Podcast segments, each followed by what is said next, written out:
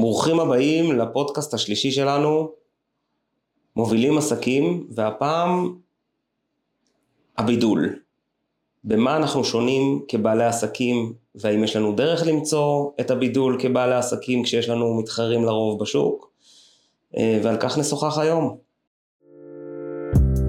מובילים עסקים, פרקטיקה בעולם העסקים מזווית מעשית ושיווקית.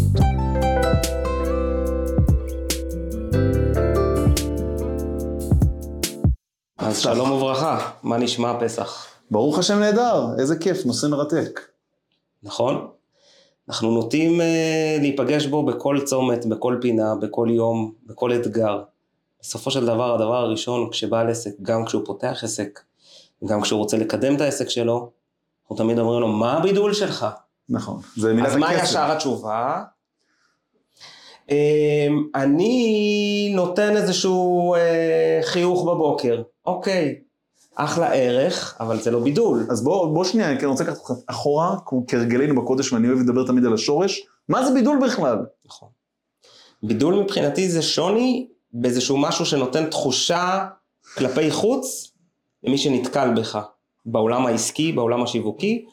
זאת אומרת, לצורך העניין, אפילו נלך על הדוגמה הכי בסיסית, בעל מכולת, בעל קיוסק, בעל סופר, יש לרוב סופרים, יש לרוב מכולות ופיצוציות, כולם מוכרים את אותו דבר. רק מספיק שאותו בעל פיצוצייה, שבאותו רחוב או ברחוב מעל יש עוד פיצוצייה, ייתן לי איזשהו שירות של משהו שלא קיים אצל השני כערך, כאיזשהו אפילו מבחינתי, לדוגמה, ניתן לך, בוא נרד כבר עכשיו ישר לפרקטיקה, למרות שאנחנו תמיד מגיעים לפרקטיקה קצת בהמשך, אבל לדוגמה, שניהם מוכרים קפה. אוקיי. הכל מעולה, והטעם של הקפה זה עניין של טעם בסופו של דבר, האחד קונה פולי קפה פה, השני פולי קפה שם, בוא נניח ששניהם קונים את אותם פולי קפה. נכון. אז מבחינתי יש שני מסלולי ערך. אוקיי. כמובן שהקפה יעשה עם כל הלב והנשמה, ולא כזה כמסיח לפי תומו, שזה בעצם לא פרקטיקה, זה בגישה. זה בגישה בדיוק, אוקיי. זה לא מורגש, זה לא משהו שאתה, זה לפעמים לקוח בא ואומר לך, תשמע, אני משקיע בקפה שלי עוד 30 שניות. הלקוח לא מבין את זה, הוא לא רואה את זה.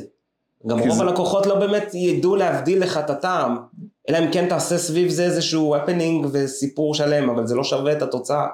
אבל כשאני מגיע ומרגיש שהקפה שלי, הוא קודם כל הוא, בר שתייה, בלי מדדי אה, תחרות בעולם הקפה, פיצוצייה זה לא בית קפה בסופו של דבר. בדיוק, אני לא מגיע עם ציפיות, לא, אבל מה כן? כשאני, כשאני עובד באותו אזור, ויבוא אליי אותו פיצוצייה שמבחינתי המרחק ביניהם אותו דבר מהמשרד שלי, הוא ייתן לי כרטיסייה. כרטיסייה, גם אם הכרטיסייה הזאת נותנת לי בסופו של דבר אחרי עשר כוסות קפה, את הקפה ה-11 חינם, וזה בסופו של דבר כולה כמה? עשרה שקלים, חמישה עשר שקלים, תלוי באיזה מקום, קיבלתי ערך, יש לי איזשהו בידול בנושא הספציפי.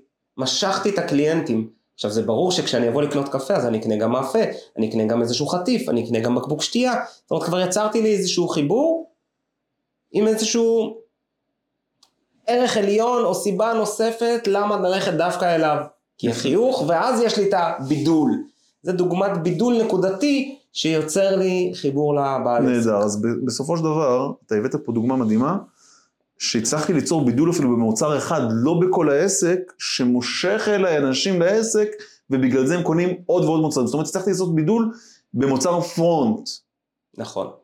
יפה. אז בוא, ההגדרה שאני נורא אוהב לבידול, כי היא נורא פרקטית וקלה, אני מאוד אוהב דברים, זה בעצם השאלה למה לבחור בך על פני כל המתחרים שלך. כשבעצם יש סיבה ללקוח, למה להגיע אליך ולא למישהו אחר. נכון. הגדרה מדויקת להסברה מה זה, הביד... מה זה מילת הבידול. יפה. שוני. ואז אני שואל אותך, ואז אני רוצה לשאול אותך שאלה. מי אמר או- שהשוני הזה יביא אנשים יותר מהשוני של ההוא? יפה, אז בוא נשאל את זה בצורה יותר פרקטית. איך אני בוחר את הבידול שלי? נכון? איך אני אתה יודע בעצם... שהוא נכון? איך אני יודע לבוא, כי בסופו של דבר יש הרבה בידולים, שחד משמעית המקום שלי לדוגמה יותר יוקרתי, אבל הוא לא מביא לקוחות.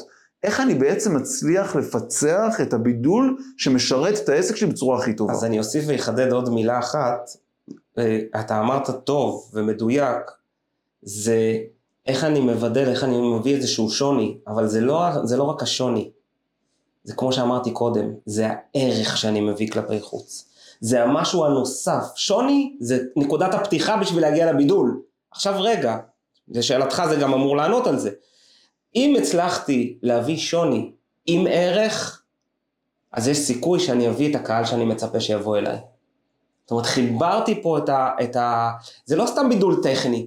יכול להיות לך מקום, תקשיב, חנות תאורה, אחת מול השנייה, שניהם מוכרים לכאורה גופי תאורה לעין לא מקצועית, טעם כזה או טעם כזה, אחת מפוארת בטירוף, השנייה עממית. אז מה אני רואה בעיניים לא מקצועיות? זה מקום יוקרתי, זה מקום עממי. יש לי פה בידול, שוני. נכון. אממה, יכול להיות שהשוני לא נעשה בתוך העסק, יכול להיות ששניהם בסופו של דבר מוכרים את אותו דבר, את אותם מחירים, את אותו שירות, אבל לי כלפי חוץ, בעין, המקום היוקרתי יצר לי איזושהי תחושת בידול, איזושהי תחושה שאם אני רוצה נברשת יוקרתית לסלון ולהשקיע, אני יודע ששם, אפילו שאני לא יודע, אבל אני יודע בתחושה שאני אקבל שם שירות, אני אקבל שם את התוצאה ברמת הנברשת היוקרתית. ואם לא, זה יהיה על הרס. הרס. זאת אומרת, בעצם אנחנו אומרים פה משהו מאוד מעניין, שברגע שאתה יוצר בידול, אתה חייב שהבידול גם כן יהיה באופן מאוד משמעותי בתוך העסק, ולא רק בפרסום, לא רק בקריאה הנעה לפעולה, ולא רק בנראות של העסק, אלא בחוויה הכוללת. נכון. יפה, עכשיו אני, אני, תוך כדי שאתה מדבר, אני חושב שהתחדד לי משהו נורא מעניין ונורא מרתק, שאני חושב שיכול לקחת את זה אפילו לשלב הבא. אתה אמרת שבסופו של דבר בידול אמיתי זה בידול שנותן ערך. אם אני יודע לתת ערך, יש לי בידול איכותי. איך אני יודע אם אני מצליח לתת ערך או לא מצליח לתת ערך? וערך זה לא בעיני המוכר. ערך זה בעיני הקונה. אם אני יודע לטעות ערך שהוא מחפש אותו, אם אני אפתח עכשיו חנות יוקרה באמצע שוק הפשפשים, סביר להניח שאני לא אצליח להביא אף לקוח, זה בידול שהוא לא במקומו. ולכן, יש משפט שאני נורא אוהב מעולם העסקים, שהוא, שמעתי אותו באנגלית, שנקרא First Find the Buyers. קודם כל תמצא את הקונים. ברגע שאתה מזהה צורך בשוק, ואתה מזהה שיש איזשהו ביקוש, אתה יודע שיש לך פה בעצם ערך לא ממומש. והרבה בעלי עסקים, הבידול נוצר עם הזמן על סמך תחושת השטח שלהם, שהם מרגישים את הלקוחות, הם מרגישים את, את הנתונים מהשטח, ועל סמך זה הבידול נוצר מחידוד של בעל העסק, שהוא מנסה לדייק כל הזמן את הצורך הקיים. נכון. לכן אנחנו, כשאנחנו בונים תהליך שיווקי כזה, אנחנו הדבר הראשון, כשאנחנו לוקחים בריף מלקוח, אנחנו אומרים לו, אוקיי, בוא ננתח את קהל היעד על כל משמעותו. גברים, נשים, גילאים, מעמד, רמה סוציו-אקונומית, אזורים, סגנונות, מהקהל הזה, מהקהל הזה, מהאזור השכונתי הזה, זאת אומרת לנתח את הקהל יעד, כמו שאתה אומר באופן מדויק, זה הדבר הבסיסי לפני שאני מצליח בכלל לייצר את הבידול עם הערך. נהדר. אני רוצה, אני רוצה לשאול אותך שאלה שאני נתקלתי בה המון באנשים שהולכים לתהליכי שיווק ומיתוג, ששם בעצם מתחילים עם בידול, כי הוא, אני חושב, אחד מהאבות של תהליכי שיווק. של בניית עסק. לגמרי. זאת אומרת, בכלל, להכיר- כי ערך, כי אם אתה יודע לייצר ערך, יש לך עסק. בדיוק. ואני רוצה לשאול שאלה. ואני ראיתי שתי, שתי גישות של אנשי שיווק שהם נוקטים בבידול, רוצה לדעת איזה מהם נכונה. יש אנשי שיווק שאני מגיע אליהם, הם בעצם נכנסים לעסק שלי, מנתחים אותו, מבינים מה הבידול הקיים, ודואגים לשווק את זה החוצה ולהראות לכולם איזה ערך הם יקבלו דווקא בחנות הזאת. מנגד, יש אנשי שיווק שהם ייכנסו ויגידו לך, בוא נעשה מחקר שוק, בוא נבין מה הצורך שיש בשוק, ואז תשנה את העסק שלך, להתאים את עצמך אל הערך החסר, אל הצורך שקיים בשוק, ושם תייצר את הבידול שלך. איזה מהם נכון? האם אני צריך למצוא את הבידול שהוא בפנים, או להבין מה יש בשוק ועל סמך זה ליצור את הבידול שלי? אוקיי, אז אני חושב שיש נקודת ממשק בין שני העולמות שהבאת, אה, ואני חושב שקודם כל בעל עסק, בעל חברה, בכל תחום אגב, כל מה שאנחנו מביאים, אולי הבאנו דוגמאות מעולם הקמעונאי, אבל זה גם נוגע לעולם השירותי, זה נוגע לכל עולם עסקי באשר הוא, אוקיי? מנותני שירות, עורכי דין, רואי חשבון אה, ועד נותני שירות כמונו ועולם הקמעונאי, יצרנים וכולי, זה נוגע לכולם. זה לא פוסח על אף אחד עולם הבידול. עכשיו, אתה שאלת האם אני צריך לבדוק? פנימה או החוצה? יש לי, או קודם כל לבדוק מה השוק צורך. נכון. אני חושב שזה שילוב של הדברים. זאת אומרת, אם אני מבין מה יש לי כערך, כבידול, כעסק, אני צריך לבדוק האם יש עבור הבידול הזה, האם יש קהל יעד שמעוניין, האם יש קהל יעד שיכול להתממשק עם הייחודיות הזאת, או להפך, אם עדיין אין לי את הבידול, אני צריך להבין מה הבידול שהשוק דורש, מה הערך שאני יכול להביא לשוק, לקהל יעד, לצרכן הסופי, ואז להתאים את הבידול שלי, או לייצר את הבידול שלי. לכן זה איזושהי נקודת חיכוך שחייבת להתממשק. זאת אומרת, זה לא יכול להיות או לקחת את הבידול שלי ולהוציא אותו החוצה ואז לראות אם זה יעבוד, או לחפש מה הבידול ואז לייצר. זאת אומרת, אם יש לי בידול, בוא נבדוק אם הקהל יעד שאני, שמתאים לבידול הזה בכלל רלוונטי. אם אין לי בידול, אז אני קודם כל צריך להכיר את השוק. ואז, זאת אומרת, זה שילוב, זה תלוי באיזה סיטואציה אתה זאת נמצא. אומרת, אם אני אצליח למצוא בידול חיצוני, אבל אני לא מסוגל לספק את הצורך הזה, אז לא עשיתי כלום. כי אז בעצם אני אעשה שיווק, ואז כשאנשים יבואו, הם לא יחוו את החוויה הזאת. בדיוק. מנגד, אם אני רק אביא משהו שאין לו צורך בשוק, אז לא עשיתי גם כלום. למרות שהוא קיים אצלך, אבל זה לא נותן לי שום דבר. מה- מה- ממה שאני ראיתי בניסיון שלי עם עסקים, סיימתי לב תופעה מאוד מעניינת שעשתה לי המון סדר. שבעצם עסקים קטנים, בדרך כלל בעל העסק הוא חלק מאוד משמעותי מהעסק. ושם בדרך כלל יהיה נכון עבורו לשבת על בידול שהוא רלוונטי עבורו, כמובן עם ההתממשקות עם, ה, עם השוק, עם הצרכים וכל מה שצריך. ברגע שאני הופך להיות כבר עסק שהוא גדול יותר, שבה אני כבעל עסק מ- מייצר את החוויה, היא לא נסמכת על בעל העסק, הוא בעצם יכול להנדס אותה על ידי זה שהוא מביא מנהלים, שם תכנים, קובע ערכים ודואג שהעיצוב והמיתוג והכל יהיה שמה, שמה הוא כבר יכול להגיע למצב שהוא עושה מחקר שוק ועושה בידול שהוא לא בהכרח תלוי בו, כי כבר העסק לא תלוי בו. נכון. ואז הוא יכול בעצם לצאת בבידול. אגב, ואפרופו בעולם של בידול, מה קורה בסיטואציה שאין לי מתחרים? נגיד שהיה קיים, נגיד שהיינו חיים לפני 50 שנה, שהיה המון תחומים שלא הייתה בהם תחרות. כמו היום שעל כל דבר הכי קטן יש לך עשרה מתחרים לפחות. בוא נביא דוגמה, מכולת שכונתית. יצרן, לא, יצרן, בואו נלך קצת לעולמות לא קמעונאיים אה, פרופר. יצרן של יצרן של אה, אה, גופי תאורה. גופי תאורה. אוקיי, התחלנו עם זה, בוא נמשיך עם זה. אחלה. ואני היצרן היחיד בארץ? כן. מה אוקיי. אני עושה בשביל, אני עכשיו שואל אותך כיועץ עסקי, מה אני עושה בשביל לשמר, אני, אני באיזשהו יתרון, נכון? אני יצרן עכשיו, נכון. אין לי מתחרים. יצרן, השוק עונה, הכל פנטסטי. איך אני מקדים את היום שייכנסו בו מתחרים צעד. אחד קדימה? אז, וואו, זו שאלה מדהימה. אה, אחד הדברים. שאבסורדים, כי, כי מה קורה? בסיטואציה כזאתי, אני רק אוריד את השאלה לרובד טיפה יותר פנימה, בסיטואציה כזאתי נוטעים בעלי החברות או בעלי העסקים, לנסות לרצות את כולם. ל- לא, או לישון. לישון גם. כי למה? כי אין לי מתחרים, אז העסק עובד. אבל אז מה קורה? יום אחד בעיר, מתחת לפני השטח מתרקמת לה איזושהי קנוניה של אה, מתחרים, ואז אתה מוצא את עצמך תוך, מתחת אה, שוקת שבורה.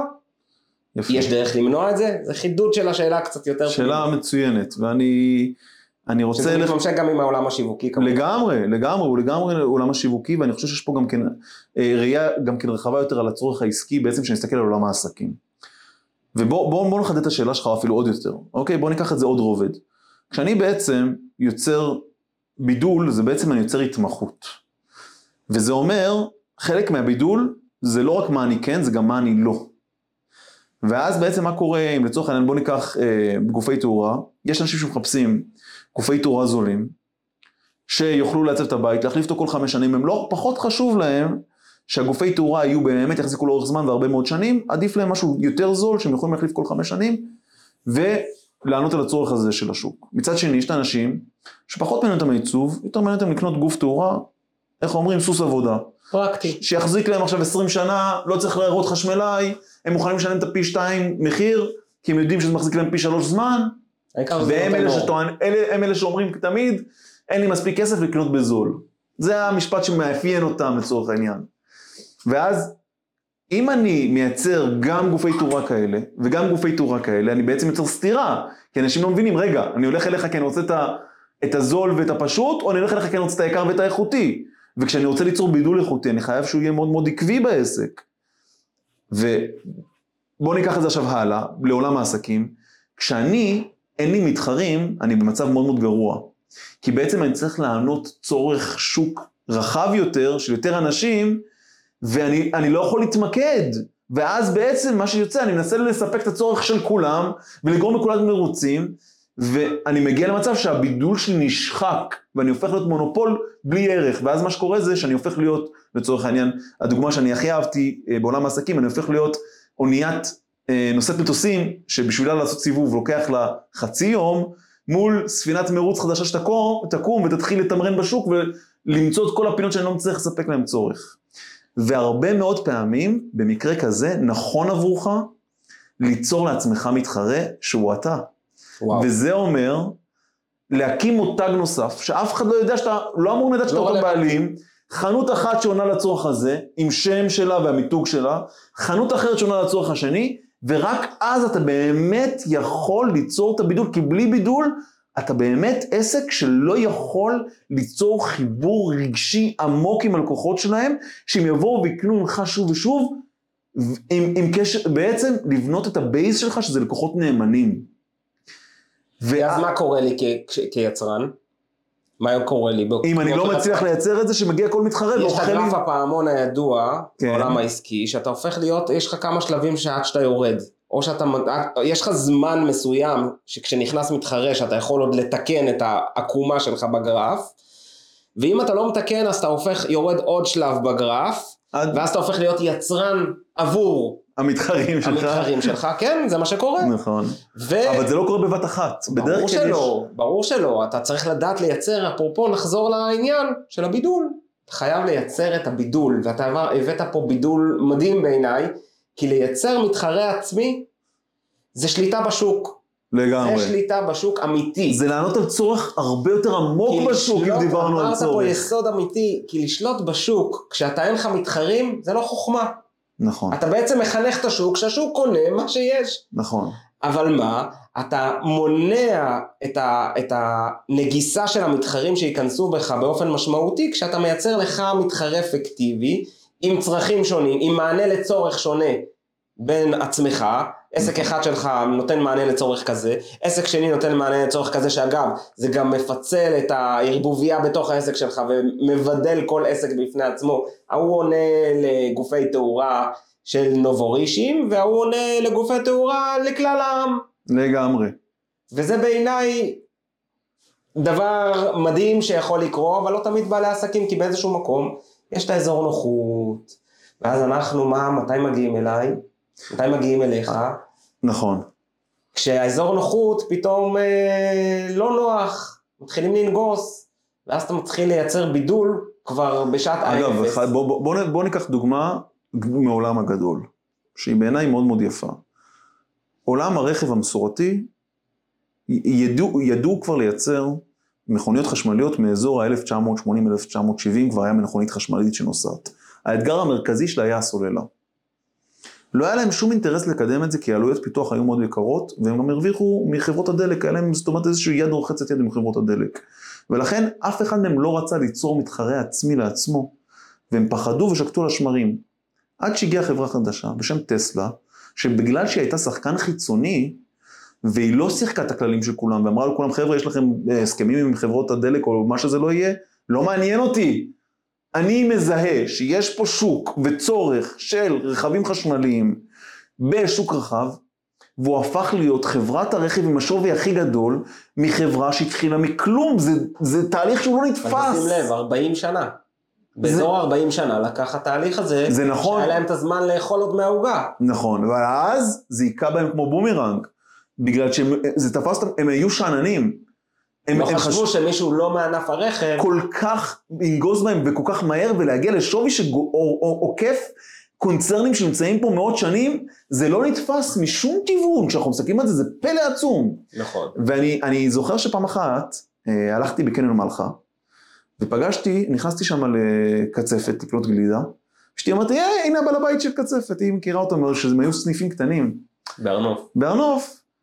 ואני רואה אותו שיש שם קופה, א' כל זה מרגש לראות באמת בעל עסק, בעל רשת גדולה, הוא אומר, ואמרתי, תפסנו זה אגב, שיחה. זה יסוד בעולם הקולינריה, אולי פעם נוכל לדבר על זה בעסקי הקולינריה. אוקיי. אוקיי, נדבר על זה, זה איך אומרים, נושא לעוד פודקאסט, אנחנו צוברים עכשיו נושאים, ושאלתי, ודיברתי על, על התהליך שהוא עשה, ואנשים לא יודעים את זה, אוקיי? שבעצם רשת קצפת הייתה קיימת משהו כמו 20 ומשהו שנים, בשם אחר, אם לא טועה קראו להם פרויו, עם סניף בבן יהודה, סניף בהר נוף, בירושלים, והמון שנים ככה, פתאום תוך 3-4 שנים הם הפכו להיות עם עשרות סניפים בכל רחבי הארץ. ואז דיברתי אותו על מיתוג, ובעצם על בידול, חלק משמעותי מאוד ממיתוג זה הבידול. והוא אמר לי היום, זה חלק מהעברת הבידול. הוא אמר לי היום, עסק חייב בידול, יותר נכון, עסק חייב מיתוג, בלי זה אין לכם זכות קיום. מיתוג זה התעודת זהות בשביל מי שלא כל כך... וזאת אמירה. נורא חריפה, כי אני מכיר גם עסקים שעם בידול לא משהו, והם די מצליחים. אבל, וזה משהו שהוא נורא חשוב להבין, העולם שלנו הופך להיות הרבה יותר תחרותי עם כל יום שעובר. אם פעם המתחרה שלי היה המכולת השנייה ברחוב ליד, או, או הסופר בשכונה שצריך לנסוע ליד, פתאום היום יש לנו מתחרים שזה אלי אקספרס ואיביי ואמזון, זה פחד אלוקים, אנחנו הפכנו להיות משוק כפר קטן לשוק גלובלי, שאני יכול נכון. בלחיצת כפתור להזמין מסיני שהעלויות ייצור שלו הרבה יותר זולות. סיפר לי בשבוע האחרון, בעל עסק ענק בתחום הירקות, היה לו חנות ירקות ענקית שחלשה על אה, של אה, שכונה של כמה אלפי משפחות, חנות אחת, והבן אדם מתפרנס. הוא אמר לי, תקשיב, אני סגרתי את העסק, ברוך השם, במהלך העשרות שנים הוא צבר והתפתח לעוד דברים וכולי, אבל אני סגרתי את העסק, כשעולם הסופרים הפך להיות כלבו. היום בסופר, אתה, מי חשב פעם, לפני אה, 30 שנה, שבסופר אתה יכול לקנות ירקות. ירקות? לגמרי. הסופר זה סופר למצרכים, החנות ירקות זה חנות ירקות, האטליז הוא אטליז, תראה מה הפך היום, היום אתה מגיע למקום אחד, עושה ויש 20 דקות, קניות שבת, קנית ירקות, דגים, בשר, וכל מצרכי שבת, וגם מעיל, ונעליים, ואת השפכטל שאתה צריך לתקן במקלחת. אם ניקח את זה צעד קדימה, מי היה מאמין שאנשים יקנו ירקות באינטרנט?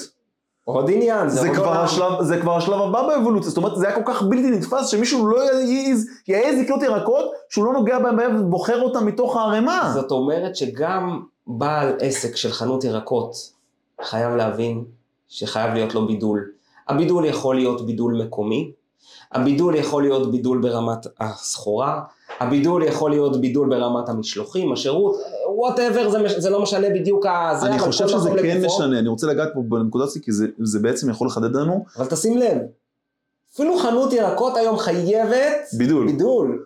שזה משהו? שלפני כן לא היה צורך בו, זה היה יותר עסק שכונתי. מענה לצורך מקומי. נכון. אני חושב שדווקא אנחנו רואים תופעה שהיא הכרחית, שדווקא החנויות הקטנות הפכים להיות חנויות בוטיק. כי בעצם, גלגל חוזר. נכון, זה גלגל. חוזר, מחזוריות, זאת אומרת, יש בכל שוק את האנשים שרוצים את הפרימיום ויש את האנשים שרוצים את הפשוט. ברגע שאני לא יכול להתחרות עם הסופר על המחירים שלו, כי בוא, רמי לוי, עם כל הכבוד, אני כירקן אין לי שום סיכוי בעולם שאני יכול להתחרות איתו. על דבר אחד אני כן יכול להתחרות איתו. רמי לוי, הבידול של כל הסופרים זה מחיר. וברגע שאני יודע להביא פירות פרימיום, שהם בשלים יותר, אני יודע הרבה ירקנים שמביאים לצורך העניין פירות שמיועדים לייצוא, ומשלמים עליהם יותר כסף, הם מוכרים את זה בפי שתיים או פי שלוש מחיר מהסופר. יש קהל שקונה כי מעדיף את הערך של האיכות. לדוגמה, עכשיו, לא רק זה, נ- שהמלפפון אחרי יומיים הופך להיות אה, זקן. נכון, ועוד דוגמה שראיתי חנויות פירות מצליחות וירקות מצליחות שהם הצליחו לעשות, זה במקום למכור ירקות, למכור מגשים מעוצבים של פירות חתוכים. ואז בעצם הם מספקים כבר צורך שהוא עמוק יותר, והרווח שם קופץ ומזנק משמעותית, נכון. כי אני כבר לא קונה ירקות, אני קונה מגש הוקרה לשבת, ההסתכלות של המחיר היא שונה לחלוטין. נכון. וזה גם הפך להיות עניין של הנגשה חזרה, זאת אומרת, גם אני מעדיף לקנות בהרבה, זה שוב, יש היום אופציות של חוויית קנייה בלי סוף. אתה רק צריך לבחור. האם אני רוצה את האיכות, האם אני רוצה את הזמינות, את הזמן שלי לשבת במחשב, להזמין את כל הזה הביתה, להגיע אליי, בלי שאתה יודע מה בחרו לך אותם מלקטים בסופר, או שאני מעדיף את ה... שוב, מענה שלי לצורך. נכון. אבל מה, היום כשיש מתחרים, כל אחד מצא את הבידול שלו. כל אחד מצא את הייחודיות שלו, את המענה שלו לצורך המקומי, לצורך של הקהל יעד. אותו קהל יעד, פילחתי אותו, יש לי קהל יעד. אם לא היה לך קהל יעד, לא היה זכות קיום לעסק שלך. אבל ברור שיש קהל יעד. אז אותו חנות ירקות שסגרה בגלל שהסופרים פתחו, הוא לא השכיל להבין בזמן הנכון לעשות את המהלכים של הבידול, להביא ערך. בעצם לשנות איזשהו- את, ה- את, בכלל את כל המהות של העסק שלו. בדיוק. זה בעצם, אתה יודע מה? הדוגמה הכי מדהימה זה כמו נוקיה עם, עם עולם הסלולר. נוקיה החזיקה בנתח שוק הכי גדול של עולם הסלולר בצורה מאוד מאוד אגרסיבית. אבל כשהגיעו הסמארטפונים, הם לא ידעו לעשות, הם אמרו, אין סיכוי שמישהו יחליף מקשים פיזיים על מסך מגע. עולם המצלמות. עולם פילים. פילים, לגמרי, קודק. אגב, דווקא שם, אתה יודע מה הכי מעניין? חברת קודק הם הראשונים שייצרו בכלל מוצ...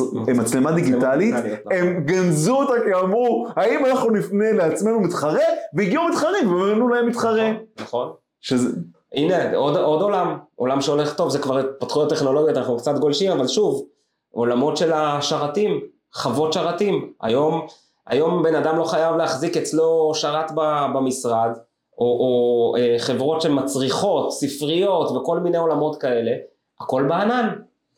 ואז למה? כי בעצם, פעם היה להם תחזוקה, היו צריכים לשלוח איש תחזוקה לכל אה, מקום, להחזיק את המחשבים, את השרתים.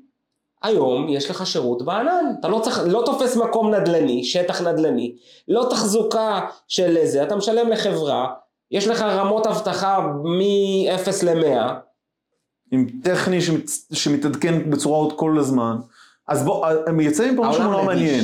תוך כדי שיחה יצא פה משהו מעניין ואני רוצה לסכם את זה כדי שיצא ברור. גם אם אני בחרתי בידול, אני צריך לבדוק לאורך זמן שהבידול עדיין רלוונטי. בדיוק. כי השוק שלנו משתנה בצורה מאוד. משמעותית, הוא דינמי. וזה לא מספיק לעשות פעם אחת בידול, אנחנו צריכים לשמור על הבידול שלנו לאורך זמן, ואולי אפילו לשנות את הבידול שלנו תוך כדי. נכון? הנה, הקורונה שינתה המון הרגלים, עשתה, האיצה המון תהליכים.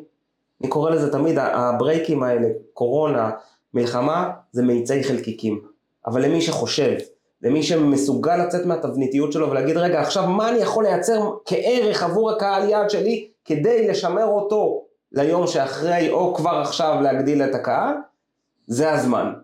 מדהים. זמן של שינויים. אז בואו נחזור לחנות תאורה שלנו. הוא מגיע אה, אל אה, משה ושואל אותו, משה, אתה, אני רוצה לפתוח חנות תאורה. אני יודע לייבא גופי תאורה מדהימים. איך נכון לי לפתוח את זה? זו שאלה מצוינת, זו שאלה רחבה מדי אפילו. בכוונה השארתי את הרחבה, כי, כי בעצם זה נוגע פה שהוא בעצם מגיע עם שאלה כל כך רחבה, שאין לה שום בידול בעצם. כלום. כלום. אז מה היית אומר לו? איך לך היית. מזהה את ה... לא, אתה איש... אתה איש... אה, קודם כל שיבנה לו תוכנית עסקית. אבל בסופו של דבר אני אגיד לך, אם הוא בא עם איזושהי שאלה אמורפית כיצרן או כיבואן אה, של תאורה, אה, ועוד אין לו מקום, אז קודם כל שיחזור אליי אחרי שהוא ביצע את המקום, אה, אה, אה, סימן לעצמו את המקום שבו הוא הולך לפתוח את האולם תצוגה, או שהוא הופך להיות אינטרנטי, או משהו בסגנון. יש לו שני אפיקים, אפיק B2B ואפיק B2C. ב-B2B זה רגע, שנייה. יש... או, מצוין. וב-B2C זה business to custom. custom זה לקהל יעד קצה, לצרכן הקצה הסופי, שאני יכול אה, להגיע אליו. אני צריך לבדוק מי הוא הקהל יעד שלי ב-B2B, בעסקי. האם אני מוכר למוסדות, האם אני מוכר לגופים, האם אני עושה מכרזים, האם אני מספק לחנויות נוספות. זאת אומרת, זה תהליך שצריך לבדל אותו, אבל זה, זה בשילוב שלך כיועץ עסקי. ובביזנס, ב-B2C זה כבר תהליך הרבה יותר קאסטם, הרבה יותר מותאם, אני צריך לדעת לבנות את החוויה כלפי הצרכן, את המחירים מול התחרות, את השירות ברמה התדמיתית שלי, איפה אני רוצה למצב את עצמי, שידעו שמה שאני נתתי במחיר הוא באמת נותן לי תמורה, הוא נותן לי את המענה. שילמתי לך עשרת אלפים שקל על גוף תאורה, הייתה לי חוויית קנייה שהיא שווה את זה פלוס הגוף תאורה, כי בסופו של דבר הוא גוף תאורה, גוף תאורה הוא גוף תאורה, עם מעצב כזה, עיצוב כזה, זה לא באמת משנה. השאלה מה המעטפת הסובבת. ושם אנחנו מייצרים את הבידול, את הייחודיות, איך אני מגיע לאותו קהל שסימנתי אותו כקהל יעד מטרה, עם אילו כלים, אני בונה לך ארסנל של, אה, אה, של כלים ל-B2B, ובונה לך ארסנל של ה-B2C, של כלים ל-B2C, איך אני מגיע לאותו קהל, ובסופו של דבר, עם זה אתה יכול לצאת, לייצר את, ה, את העטיפה שנקראת מיתוג, מדהים. שזה התעודת זהות של העסק שלך, שהיא מאוד מאוד ברורה, בעלי העסקים היום הרבה יותר מבינים שהם חייבים לייצר ספר מותג. ספר מותג הוא לא בשביל הקהל בחוץ, הוא בשבילך עצמך כבעל עסק. אתה מבין מי העסק שלך. אתה יכול להגיד, מה, אני בעל עסק, אני יודע הכי טוב מה העסק שלי. זה, זה נטייה של בעלי עסקים עצמאיים, אבל זה טעות. כי אתה לא תמיד, אתה יודע מה הרעיון שאתה רוצה למכור. יפה. אבל בסופו של דבר, מה העטיפה שלך נותנת, אתה לא יודע. אם תלמד את זה ותדע ותבנו איתך, איתך אנשי מקצוע את הספר, את הספר מותג הזה, שזה ה, זה האלף בית מה שנקרא לעולם השיווק, יהיה לך הרבה יותר קל להוציא אותו החוצה, לתקשר, להתחבר במילים ולחבר אחרות- את הקהל יעד. במילים אחרות, אם, אם אני רוצה לחדד את מה שאתה אמרת פה והוציא מזה איז- איזושהי אמירה מאוד מעניינת, זה בעצם שאם אני רוצה באמת להשיג את הבידול שלי כמו שצריך, זה לא רק מה אני כן, זה קודם כל להתחיל ממה אני לא. קודם כל תתחיל להגיד, רגע, מה אני לא? אני חושב שזה הרבה יותר קל לפעמים להגיד מה אני לא. אוקיי, בטבע האנושי אנחנו קודם על כל זה אני מוותר. אומרים לא. אה, לא, יכול להיות. כן. וזה, אני חושב, הפוך אמור להיות. אבל אם אתה לא מסוגל להגיד מה אני לא, ואתה מנסה להגיד אני כולם, כבר אין לך בידול, אני כבר יכול להגיד לך. אין לך בידול. אין לך בכלל בידול, אתה לא בכלל בכיוון אפילו. נכון. ובסופו של דבר, כשאתה רוצה להתחתן, אז אתה לוקח אישה אחת ואתה אומר לכל הנשים בעולם, אתן לא. ורק אז אתה יכול בעצם להצליח להגיד את הכן, ואני חושב שזה משהו שהוא נורא הכרחי בעולם העסקים. וואו. לא רק להגיד מה כן, אלא על מה אני מוותר. על, על כל האנשים, ולפעמים בעלי עסקים קשה להם, כי הם אומרים מה, אבל יש שם כסף, יש אפשרות להרוויח שם, אבל אתה הופך להיות קולבויני. אתה- אתה גם וגם וגם וגם וגם, ואז אתה אתה לא לא יודע יכול לעבוד. לרצות את כולם. נכון. ואתה חייב לעצור ולהגיד, רגע, קודם כל, אתם לא. הם נכנסים לחנות, אם הוא יקנה לך למרות זאת, הכל בסדר. הוא יגיד, מה, אתה יקר? חביבי, זה חנות יוקרה. מי שנכנס לפה זה אנשים שמוכנים לשלם את המחיר. נכון. אם אתה לא מוכן לשלם את המחיר, אתה לא תקבל הנחה. נכון. אני לא אנסה לרצות זה אותך. כמו ההבדל בין הסופרים שמוכרים הכל, אז אתה מבין ששם יש לך ערך ל, ל, ל, למחיר כי אתה מקבל הכל מהכל, או שאתה הולך לחנות ירקות, ל, ל, לתפוחים המבריקים המצוחצחים ואתה משלם יותר. במילים אחרות, כשאני מגיע לחנות בוטיק המצוחצחת, היא בעצם אומרת לכל מי שקונה בסופר, חביבי, אתה לא לקוח שלי. נכון? אני איתך לא מנסה אפילו ל- ל- לכנס למשא ומתן. נכון. לך לרמי לוי, תקנה אצלו, ויודע מה? זה אפילו לא אמור לצבות לי בלב. נכון. שם הוא אמור לקנות. יש קהל יעד לזה, יש קהל יעד לזה, רק צריך לראות איפה אתה פותח את החנות, וצריך לראות האם הקהל יעד שלך נמצא שם, ואיך אני כן נותן ערך נוסף, או ערך מוסף, בשפה יותר מקצועית, לקהל יעד שכן קיים, ושמה לייצר חוויית קנייה. אז בואו נסכם שנייה את העניין של בידול, ואז נביא שתי דוגמאות פרקטיות. דבר ראשון, בידול זה למה לבחור בכם על פני כל המתחרים. קודם כל תשאלו את השאלה הזאת, למה באמת שמישהו יקנה מכם? עכשיו, לא תמיד בידול זה חייב להיות שאני הכי יוקרתי, כי הרבה אנשים רצים לשם, אז זה יכול להיות גם כן, כי אני הכי קרוב אליו גם כן, לפעמים זה גם כן עניינים טכניים. השאלה השנייה, זה למי אתה לא מוכר. למי אתה לא נוגע, במי לא רלוונטי עבורך. ובסופו של דבר, אני חושב שחשוב, ואמרת את זה פה כל כך מדהים, זה זהו ערך אמיתי. אתה לא יכול שהבידול יהיה מנותק מהערך של השוק. אם הבידול יהיה מנותק מהערך של השוק, הוא לא יעבוד, לא משנה כמה הוא יהיה מבודל. בידול הוא דרך להצליח לפנות לפלח שוק ולכבוש אותו, ולא בשביל, הוא לא ערך בפני עצמו, הוא דרך להשיג מטרה. אז בוא. בידול הוא ערך. בידול סתם לבד הוא כלום. הוא כלום. מדהים, מדהים. זאת אומרת שהבידול חייב לענות על צורך שוק. חייב. אז בואו נביא אחרת, שתי דוגמאות. אחרת אתה לא מביא ערך. בדיוק, אין מענה לצורך שוק. לגמרי. לוגיקה פשוטה, זאת אומרת זה מין אה, פאזל שאם אתה- אין את החלק הזה של הערך, אז זה לא מתחבר לקהל בכלל. מדהים. הערך הוא מחבר לי את הבידול לקהל יעד שלי, גם העסקי וגם הקאסטם, הקהל שוק, הרווח, הצרכן קצה, מה שאני בוא תביא דוגמה של עסק שהגיע לך בלי בידול, והבאת לו בידול, ווואו. התקלתי אותך עכשיו בשלוף. אני יודע, זה מלחיץ תוך כדי הפודקאסט, פתאום לא, הגלגלי מוח. אתה, אתה, צריך, אתה צריך לדעת מה אתה אומר, מה אתה לא אומר גם. צריך מאוד להיזהר. הבנתי. זאת אומרת, לא לא, כל דבר בסדר, יכולים בוא- לספר באמת על הלקוחות, אבל... בדיוק, וגם אבל שים אתה- לב, אני, אני, אני נזהר בלי שמות גם. כמובן, כמובן, כמובן. כי אנחנו- אתה לא יודע איפה אתה נתקע אחר כך. נכון.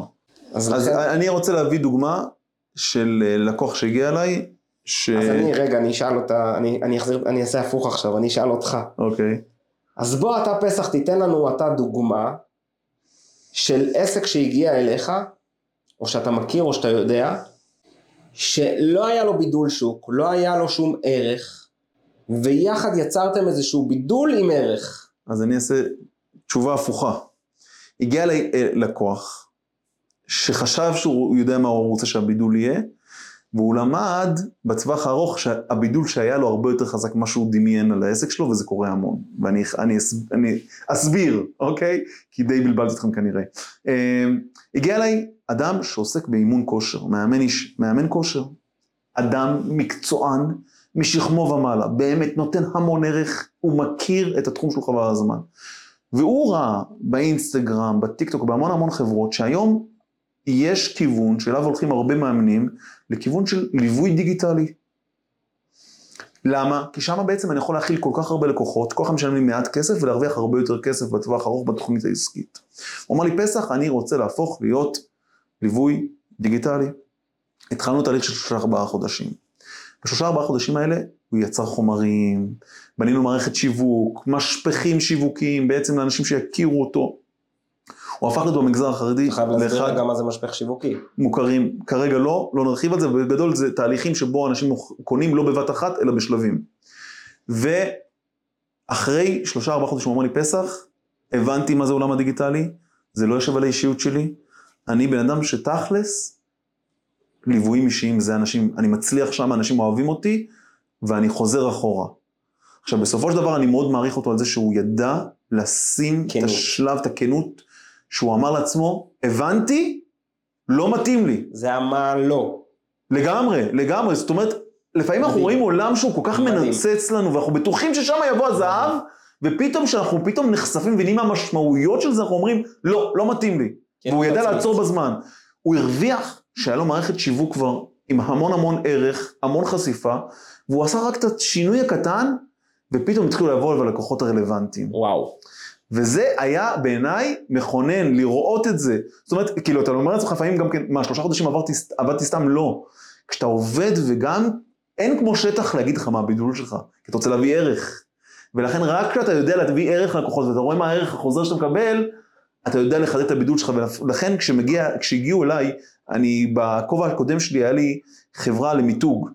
והיו שואלים אותי אנשים, מתי נכון לעשות מיתוג? והייתי אומר, אם אתה עסק ממש מתחילת הדרך, אל תשקיע עשרות אלפי שקלים על מיתוג, תלך תעשה מיתוג זול. וזה אבסורד, כי אני הרי מוכר מיתוגים יקרים, למה שאני אשלח מישהו למתחרים שלי? כי אמרתי לו, אתה עדיין לא יודע בכלל מה הבידול שלך, אתה לא יודע מה המשמעות של הבידול שלך, סביר להניח שעוד חצי שנה אתה תהיה עסק אחר לגמרי.